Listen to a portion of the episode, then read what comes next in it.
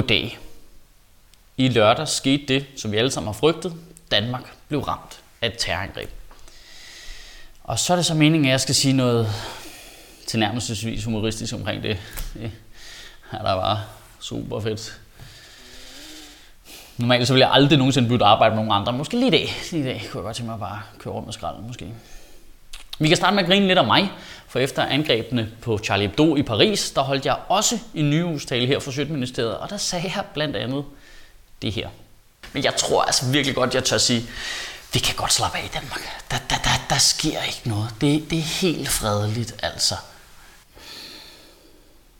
Jeg ville virkelig lyve, hvis ikke jeg sagde, at jeg virkelig godt kan lide at have ret. Men lige i det her tilfælde er det godt nok af nogle andre grunde.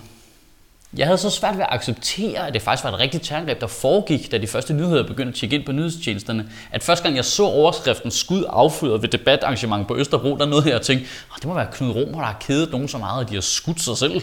Man havde virkelig svært ved at få sin hjerne omkring det, da det først ligesom gik op for en, fuck mand. Der er en galning, der løber rundt og leger Grand Theft Auto med et religiøst politisk motiveret mål. Så var det ligesom om den der stemning, der har været nogle måneder af Shishui Charlie, det blev ligesom erstattet af sådan en Shishui lidt ved at skide i bukserne og skræk. Og må jeg lige spørge om noget? Nu er jeg ikke religiøs ekspert, og som artist vel nærmest ikke egnet til at udtale mig om det, men hvordan kan det være, at de mennesker, der påstår at dræbe i islams navn, altid selv er de altså, dårligste muslimer ever? Ham her Omar Abdel Hamid El Hussein og ligesom Kurachi-brødrene i Paris, var jo elendige muslimer. De røg has, de drak, de havde været i fængsel, begik kriminalitet, lavede fuldstændig random vold, og så lige pludselig mega heldig. Uh, Allahu Akbar. Jeg er ked af at sige det, hvis paradiset findes, og alle er der, så bliver han jo ikke lukket ind. Altså, han har jo ikke fulgt nogen af reglerne overhovedet. Har du læst Koranen, dude? Han kunne lige så godt bare møde op til paradisets have med sådan en bacon hotdog og bare pege på alle og sige, hvad så? Skal du smage? Jeg tror virkelig, vi gør selv en gigantisk tjeneste ved ikke at tage det påståede religiøse motiv alt for alvorligt. Det er ikke sådan, så det slet ikke er relevant, fordi til at starte med, så gør det det ret nemt for politiet at ligesom vide, hvor de skal kigge henne. Men religion er jo ikke den eneste grund til, at folk laver terror. Der er også tydeligvis noget andet galt. Det er der jo. Det er jo ikke sådan, så livet bare har kørt i skysårs former og bare topkarakter, fed uddannelse, perfekt job, tjene masser af penge, lavet damer over det hele, og bare smoking og fester og store margaritas, og så, det er jo ikke, det er jo ikke sådan en islam James Bond, hvor ud og lige pludselig bare biber, sorry bitches, det er alle, jeg skal ud og lave noget terror. Det er sådan lidt en socialt belastet variant, det er sådan de unge møder med pistoler, eller mental luksusfælden, hvor der bare er overtræk på alle konti.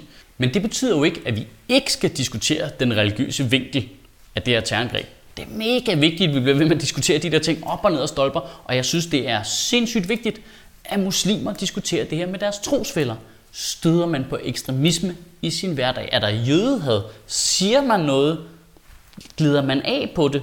Det er vigtigt, at man tager det ansvar alvorligt over for hinanden, og ligesom ikke giver slip. Vi har alle sammen ansvar, og det gælder også de religiøse miljøer. Sådan er det.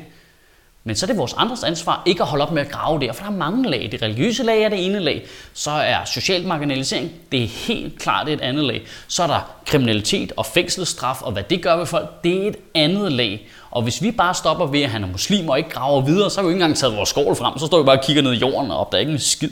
Jeg tror, de fleste af os har set eller hørt nogle af de interviews, der har været med sympatisører med terrorangrebet i den forgangne uge. Min absolut favorit var den meget usikre teenage-dreng, der forklarede TV2-nyhederne, at hvis du tegner Mohammed med en bombe, så må du altså forvente at blive dræbt.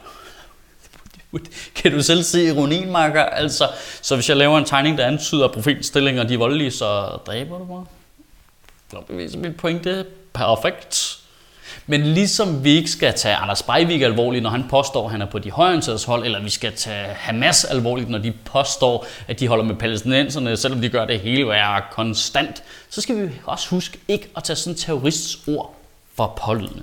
Det er virkelig vigtigt, at vi ikke kommer til at gå hans ærne ved at acceptere det, han siger, og sprede hans budskab. Altså det er meget vigtigt at fokusere på, at de sindssyge jihadistiske salafister og de værste islamofober har nogenlunde samme opfattelse af, hvad det er, islam er. Det er noget frygteligt ondt og noget med at overtage verden, men de resterende 98% af verdens befolkning, alle os, der står inde på midten af slagmarken og spiser is og hellere vi hjem og se Netflix, vi skal nok passe en lille smule på med at lytte efter, hvad folk siger, når de allerede er hoppet ned i skyttegraven og er i gang med at lade deres våben. Og så er det vist på plads med en gigantisk cyberkrammer til politiet. Jeg føler mig simpelthen så tryg i Danmark, også mens sådan noget her sker. Og det er altså politiet og efterretningstjenesternes skyld. Prøv at tænke på det gigantiske arbejde, de har lagt i det. Ikke bare Ikke bare på den nat, hvor de laver et insane stykke arbejde, der forhindrer, at det ikke bliver meget værre, men også i årene op til. Prøv egentlig lige at tænke over, hvor vildt det er, at der ikke er sket noget noget før. Hvor vildt det er, at det ikke bliver værre. Og det siger jeg ikke med nogen form for disrespekt for de mennesker, der har mistet nogen, men bare i det store billede slipper vi altså helt ufatteligt billigt fra at være dem, der har startet alt det her Mohammed-tegnet ballade. Vi slipper blandt andet også billigt fra det, fordi terroristerne så altid er nogle kæmpe idioter. Altså totalt udulige terrorister. Det er jo svineheld, at sammenfaldet mellem de to grupper, religiøse terrorister og kæmpe udulige idioter, bare er næsten identisk. Altså, hvem fanden tager hjem efter at have lavet et terrorangreb? Hvem har sin mobiltelefon med og tændt? Altså har du aldrig set en Jason Bourne-film nogensinde? Hold kæft, hvor er det elendigt. Jeg kan simpelthen ikke tage det alvorligt. Og så, jeg skal lige på netcafé også. Det er lørdag. Jeg skal, what, mand? Tager du ikke det her tage alvorligt, eller hvad? Du er ikke engang en flugtbil. Har du glemt dit buskort? Er du på cykel? Jeg kan slet ikke, jeg kan slet ikke få ind i min hjerne, hvor fucking elendige de der folk der. Det er jo virkelig ironisk, ironisk smukt, at den her terrorist i al sit had til Danmark alligevel er blevet så dansk, at han excellerer i vores fremmeste karaktertræk, totalt sløset. Og jeg skal lave noget terror, jeg skal også lige på Facebook. Uh, det er koldt, jeg skal hjem med mine. Og nu har jeg argumenteret for, at man ikke skal lytte til ekstremister på den ene side, og på den anden side. Jeg føler mig faktisk også lige nødsaget til, at man ikke skal lytte alt for meget til vores politikere i de her dage heller. Ah, men nogle af dem, de klarer det altså skræmmende dårligt, Søren Pind. Jamen, jeg er simpelthen rystet. De, de mennesker, vi er ansat til at styre vores land, de, de har en forpligtelse til at, til at give ro på vandene og sørge for, at vi kommer igennem det her uden panik. Fuldstændig ligesom politiet, men de, de udnytter det bare til skamløs politisk selvpromovering. Det, det er simpelthen frygteligt at kigge på. Hvis politiet tog deres ansvar lige så lidt alvorligt som politikerne, så havde vi alle sammen været døde nu. Hvis Søren Pind havde været en politibetjent, så havde han jo bare løbet rundt i cirkler om sig selv og skudt op i luften og råbt panik. Ah, men ytringsfriheden er under angreb. Demokratiet er under pres. Nej, det er ej. Lad nu være med at svinge op i det her. En mand har skudt to andre mennesker. Det er frygteligt, og det har han gjort af nogle frygtelige grunde. Det er helt af helvede til. Men det mister vi jo ikke vores demokrati af. Prøv bare lige at forklare mig, hvordan det hænger sammen. Hvad skulle der ske, for vi mistede vores demokrati? Altså, jeg kan slet ikke, jeg kan slet ikke få det ind i mit hoved. Så, så skal terroristerne skyde så mange mennesker at Hizbut-Tahrir for flertal i Folketinget. Det er den eneste måde, vi kan miste vores demokrati på. Eller i hvert fald få stemmer nok til, at de kan lave et kompromis med de radikale. De vil nok justere til situationen rimelig hurtigt. Jeg har i hvert fald lyst til at sige vores politikere, prøv at grow a fucking pære, mand. I er statsmænd i et land, hvor der sker et terrorangreb. Vil I godt opføre jer, som om I er det? Og her til sidst har jeg bare lyst til at læse et citat op for nogen, som jeg synes har sagt noget sindssygt begavet. Jeg synes, at man ene alene, og det må være helt klart, siger, at den eneste, der er skyld i den her forfærdelige massakre, det er massemorderen.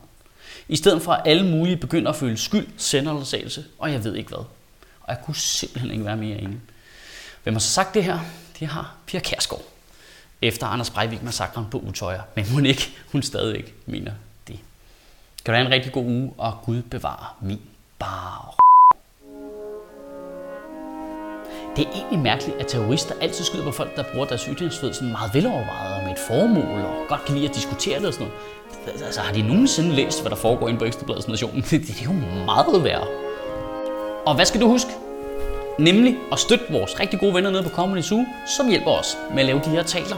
I den uge, der kommer, der kan du opleve rigtig sjove mennesker som Jesper Juhl, Torben Chris og Daniel Lille og Nikolaj Stockholm på Comedy Zoo i København. Og i dag, fredag aften og i morgen lørdag aften, der kommer jeg på Comedy Zoo i Aarhus sammen med Omar Masuk og Sebastian Dorset. Og må ikke, vi kommer til at snakke om noget af det her crap, jeg lige har lukket ud. Det tror jeg nok, vi gør. Du finder som altid dine billetter på fbi.dk. Jeg håber, vi ses. En gang, hvor du kunne stemme ud for nogle ting. I dag har du dybest set to valgmuligheder. Du kan stemme på dem, der fucker det hele op, eller dem, der ikke kan finde ud af at reparere det igen. Det er det. Det, er, det er jo så det problemet der jo.